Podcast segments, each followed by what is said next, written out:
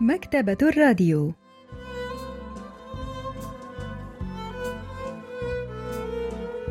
أهلا وسهلا بكم في حلقة جديدة من البرنامج الأسبوعي مكتبة الراديو الذي نستعرض من خلاله كتابا جديدا كل أسبوع. واليوم سوف نستعرض قصة هندباء على السطح للكاتبة باك وان سو لحظات ونوافيكم بالتفاصيل.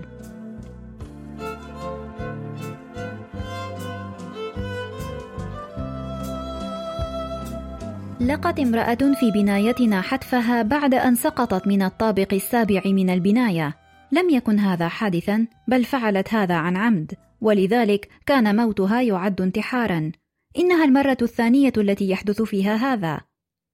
نشرت قصة هندباء على السطح للكاتبة باكوان سو عام 1979 وهي قصة مميزة تروى كقصة أطفال لكنها موجهة للكبار تبدأ القصة بانتحار امرأتين مسنتين.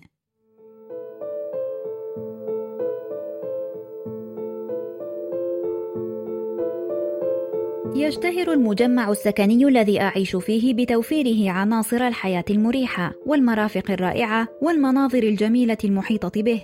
فهناك متجر سوبر ماركت مليء بالبضائع المحلية والمستوردة. بالإضافة إلى ملعب واسع للأطفال ومنتزه علمي واستراحة معدة للمسنين وبركة صناعية.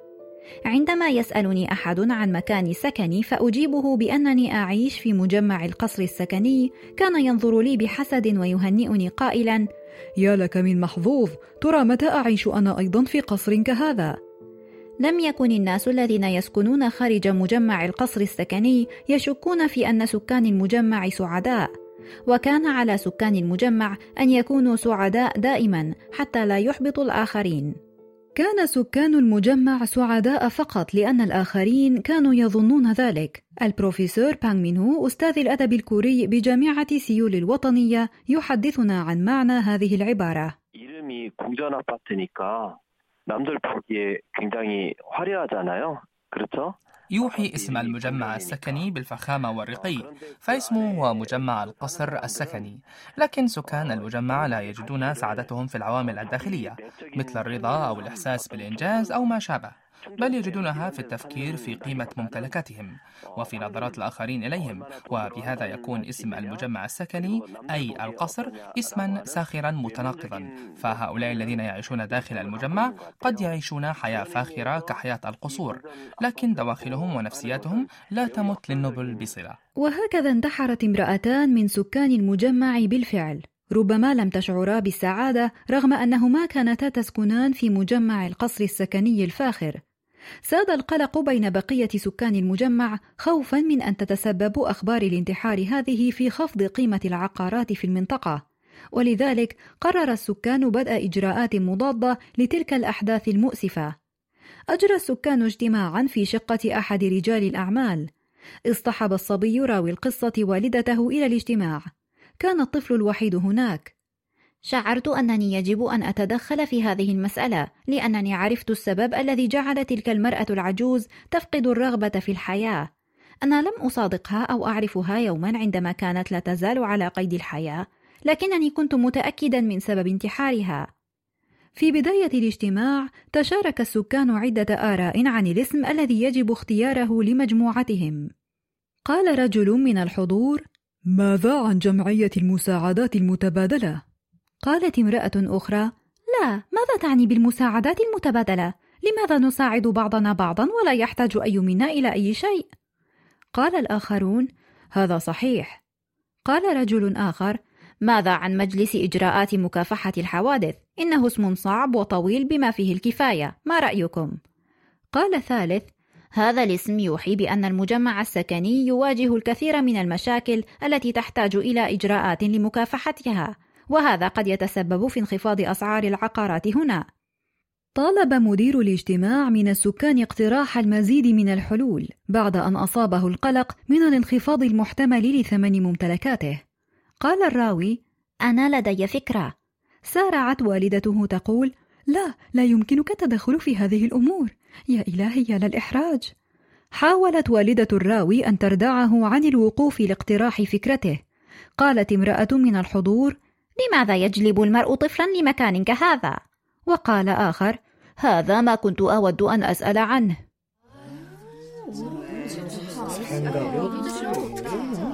اضطر الصبي إلى الجلوس بعدما أصرت والدته على ذلك وبعدما سمع الهمسات المنزعجة المستنكرة من الحضور. قالت امرأة في منتصف العمر أريد أن أقول رأيي في المسألة. لم أظن أن الأمر خطير إلى هذه الدرجة حتى وقت قريب لأن منزلنا لا يعيش فيه أي شخص مسن. لكنني أشعر بجدية الأمر الآن. إن حماية كبار السن هي مسؤولية تقع على عاتق هؤلاء الذين يعيشون معهم. أما إبقاء أسعار الوحدات السكنية في مستوى مرتفع فهي مسألة تخصنا جميعا. هل فهمتم؟ أصرت المرأة على أن حادث الانتحار الأخير يجب ألا تتسرب أخباره إلى خارج المجمع السكني ثم اقترحت حلا.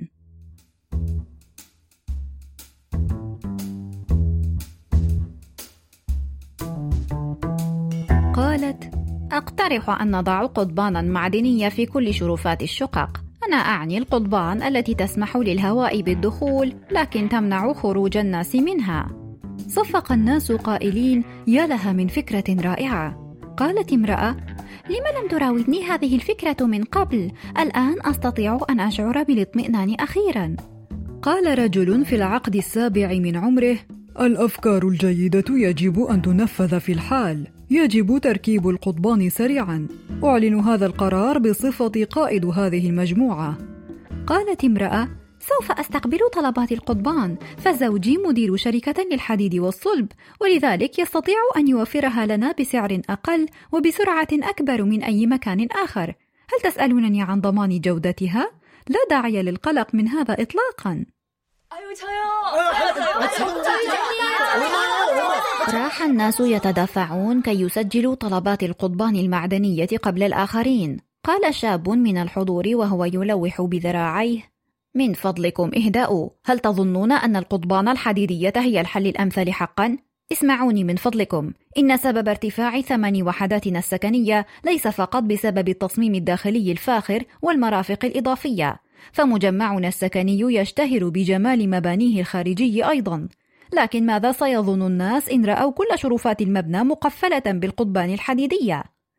قالت امرأة سيقولون إنه كالسجن وقال آخر سوف تهبط الأسعار بلا شك وقالت أخرى لا يمكنني أن أعيش في مكان كهذا حتى لو كان بلا مقابل وبهذا ألغيت فكرة القضبان الحديدية 이 소설이 아주 오래된 소설인데 어, 그런데 지금 كتبت هذه القصة منذ سنوات طويلة لكنها تعالج قضايا لا يزال الكوريون يواجهونها اليوم ومنها قضية أسعار الشقق والعقارات والمشكلة التي تواجهها شخصيات القصة مشكلة حقيقية واقعية. ورغم أن القصة بالغت في وصف المسألة في بعض الأماكن كي يستوعب القارئ حدة استشعار الشخصيات لهذه المشكلة التي تواجههم. إلا أنها تعرض نفسية الكوريين الذين يعيشون في العصر الحديث بدقة. كنت قد انتقلت في السابق للعيش في شقة في بناية بنيت على تلة.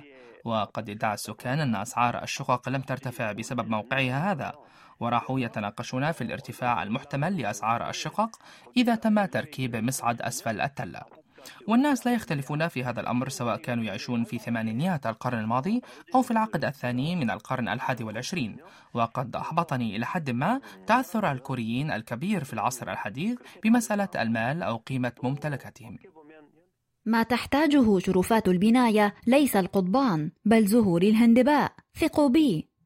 شعر الصبي برغبة عارمة في أن يصيح قائلا هذه الكلمات حتى شعر بحكة في حلقه وزيادة في سرعة خفقات قلبه. لكنه لم يستطع أن يتفوه بكلمة لأن والدته كانت تمسكه بين ذراعيها بقوة. قالت امرأة إذا ما رأيكم أن نركب قفلا جديدا على الباب الزجاجي الذي يؤدي للشرفة؟ إنه نوع جديد من الأقفال ابتكرته شركة زوجي يستغرق فتح هذا القفل أكثر من ساعة حتى مع وجود مفتاح وهو يصدر ضوضاء عالية عندما يحاول أحدهم فتحه لا يمكن لكبار السن أو الأطفال أن يفتحوا هذا القفل دون صوت قالت امرأة أخرى لكن ربة المنزل أحيانا يغبن عن المنزل لعدة ساعات متواصلة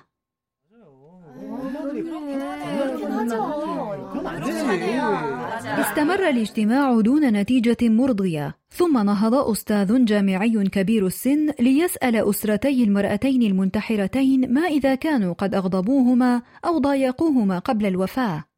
قالت شابة من أسرة المرأة الأولى: لا مطلقا. كانت الثلاجة في حجرتها الخاصة دائما مليئة بأطعمتها المفضلة وكانت خزانة ملابسها مليئة بالملابس الحريرية المناسبة لكل الفصول. وقالت الثانية وأنا أيضا. لقد تركت حجرتها كما كانت. لم يكن ينقصها شيء. كانت حجرتها كبيرة كحجرتي وكان لديها كل شيء أملكه أنا في حجرتي. بعدما انتهى أفراد الأسرتين من الحديث قال أحدهم ربما انتحرتا لأنهما لم تستطيعا أن تعودا بالزمن إلى الوراء. بدأ أن الكل يتفق مع هذا الرأي فساد الصمت.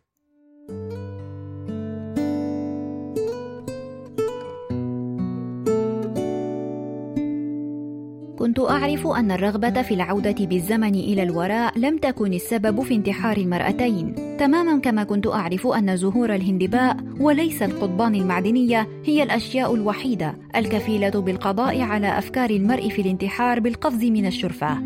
كنت واثقة من ذلك لأنني جربت ذلك بنفسي، وليس لأنني كنت أتخيل أو لأنني سمعت شخصا آخر يقول ذلك. كان لا يزال يفصلني الكثير عن أن أكون شخصا بالغا لكنني أردت أن أموت ذات مرة حقا.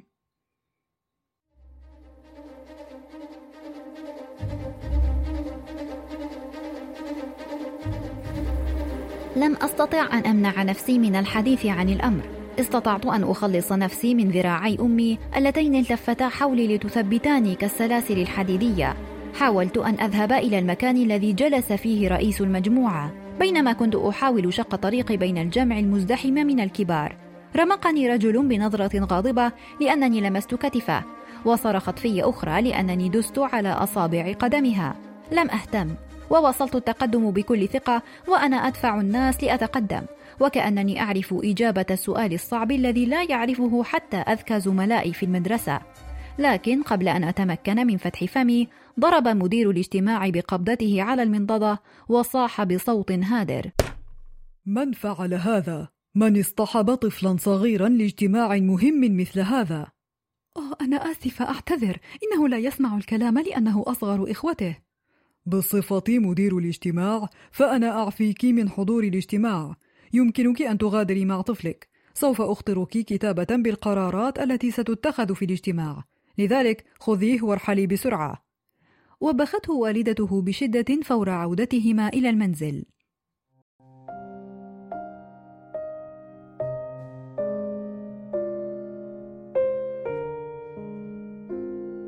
أحزنني عجزي عن إخبارهم بما أعرفه أكثر من توبيخ أمي. لو أنصت الكبار لما أعرفه لساعدهم ذلك كثيرا على منع الناس من القفز من شرفاتهم للانتحار. حدث هذا عندما كنت أصغر من الآن بكثير قبل حتى أن أذهب إلى المدرسة. حدث ذلك في عيد الوالدين. ابتاع شقيقه الأكبر وشقيقته الكبرى هدايا وزهور جميلة لوالديهما بينما لم يحصل هو إلا على زهرة واحدة عديمة القيمة. والأسوأ من ذلك هو أنه لم يستطع حتى أن يهديهما تلك الوردة. لأن شقيقيه الأكبر غنيا أغنية جميلة وهما يعطيان والديهما الهدايا وهو ما أسعد الوالدين كثيرا. بعد ظهر ذلك اليوم سمع الصبي والدته مصادفة وهي تتحدث مع صديقتها عبر الهاتف. أشعر بحرج كبير. أصدقائي وجيراني في هذه البناية كلهم لديهم ابن واحد أو اثنين فقط وليس ثلاثة مثلي. الأمر يشعرني بحرج كبير. لماذا رزقت بطفلي الأصغر لأعاني هذه المعاناة الآن؟ تصوري كم كنت سأكون حرة لو لم أرزق بطفلي الثالث. كل شيء كان سيصبح مثاليا لولاه.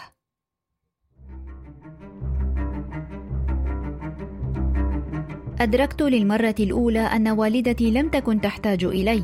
لم أكن قد شككت مطلقا في حبها لي لأنها كانت تدللني دائما كطفلها الصغير اللطيف. لكنني اكتشفت أن حبها كان مزيفا. كنت أحبها حقا لكنها لم تكن تحبني بصدق. بعد سماعه لهذه الكلمات صعد على سطح البناية دون أن يخبر أي شخص بذلك.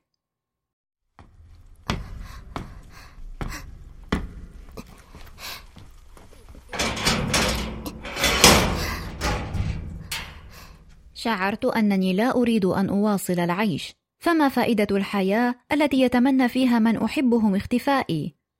انتظر الصبي حتى ساد الظلام كي ينفذ خطته ويقفز من على السطح. فقد خشي إن قفز في وضح النهار أن يراه الناس وينقلونه بسرعة إلى المستشفى كي ينجو.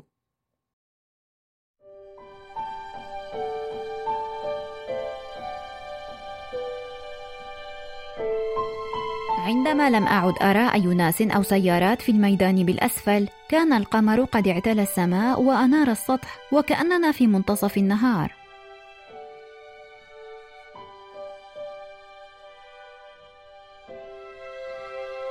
عندها رأيت زهرة الهندباء. لم يكن هناك أي تربة على السطح فقط كانت الأرض أسمنتية ورغم ذلك نبتت زهرة هندباء وحيدة من الأرض. كانت أصغر كثيرا من زهور الهندباء التي كنت أراها أثناء التنزه مع والدي. كان حجمها لا يزيد عن حجم زر قميصي لكنها كانت زهرة هندباء حقيقية. انتابني الفضول فرفعت أوراقها لأتفحص الجذور. كان هناك القليل جدا من التربة كمية لا تكفي حتى ملء ملعقة ولكنها كانت بادية من شق صغير في الأرض الإسمنتية. ربما يكون مجرد غبار وليس تربة. ربما هبط بعض الغبار على الأرض في يوم ماطر وتجمع في ذلك الشق الصغير بفعل ماء المطر. ربما كانت هناك بذرة هندباء وسط ذلك الغبار. لم يكن هناك ما يكفي من التربة كي تتفتح الزهرة بشكل كامل ولذلك كانت صغيرة وكانت الأوراق على ساقها ذابلة إلى حد ما. ورغم ذلك كانت أوراقها الصفراء تلمع تحت القمر. وكأن بذرة الهندباء تعبر عن امتنانها العميق لأنها من بين بذور الهندباء التي لا تحصى التي تحملها الرياح. قد وجدت ثقبا صغيرا به بعض الغبار يكفي لإنزال جذورها. شعرت فجأة بالخجل والعار. رأيت أن تفكيري في أن حياتي لم تكن تستحق أن أعيشها هو خطأ كبير. شعر الصبي بالخجل من نفسه وهو يرى الهندباء المناضلة على سطح البناية. الناقدة الأدبية جون سو يونغ تشرح لنا ما يعنيه ذلك. 작중에서 노인들을 유일하게 이해하는 존재가 바로 주인공인 나인데 راوي القصة هو الوحيد الذي يفهم حالة المرأتين المنتحرتين لأنه مر بتجربة متشابهة لهما شعر فيها أنه منعزل وبعيد عن أسرته وقد كانت تجربة صادمة للصبي لدرجة أنها دفعته للتفكير في الانتحار رغم صغر سنه وفي ذلك الوقت اكتشفت زهرة هندباء نبتت على السطح في تربة لا تزيد كميتها عن ملء ملعقة. وقد وصف المشهد بصورة جميلة وقد استطاعت زهرة الهندباء القوية هذه أن تعيش وسط الإسمنت القاسي مستعرضة قوة رغبة الحياة لديها. وقد تعلم الصبي من الهندباء أهمية الحياة. عاد الصبي إلى منزله فوجد والديه وأشقاءه في حالة مزرية يبكون بعدما اكتشفوا غيابه من المنزل وبعد أن فشلت محاولاتهم في البحث عنه.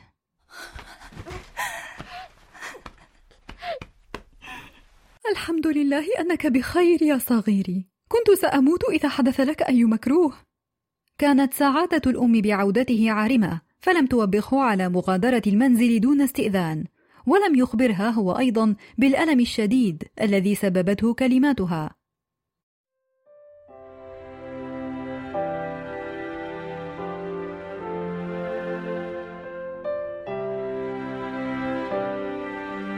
أدركت أن أمي كانت تحبني وتحتاج إلي وكان هذا كافيا وهكذا انتهى ذلك الموقف. لكنني تعلمت من خلالها كيف يشعر الناس عندما يفقدون الرغبة في مواصلة الحياة. فهم لا يريدون أن يواصلوا العيش عندما يكتشفون أن أحباءهم يتمنون رحيلهم. لا بد أن أفراد أسرتي المنتحرتين كانوا يتمنون رحيل المرأتين العجوزتين أيضا. ولا بد أنهم قد عبروا عن أمانيهم تلك عن طريق الكلمات غير المباشرة والإشارات الخفية.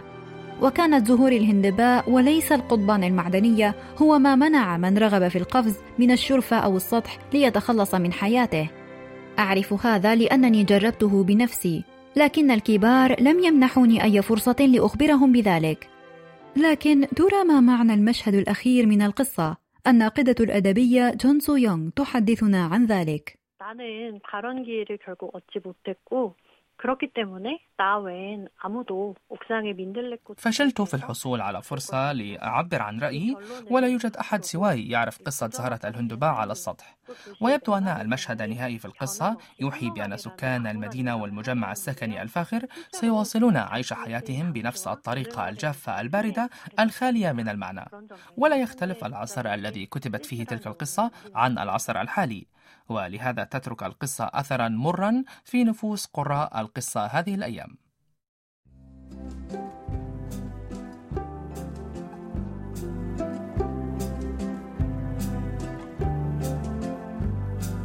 استعرضنا معا قصة هندباء على السطح للكاتبة باغ وان سو.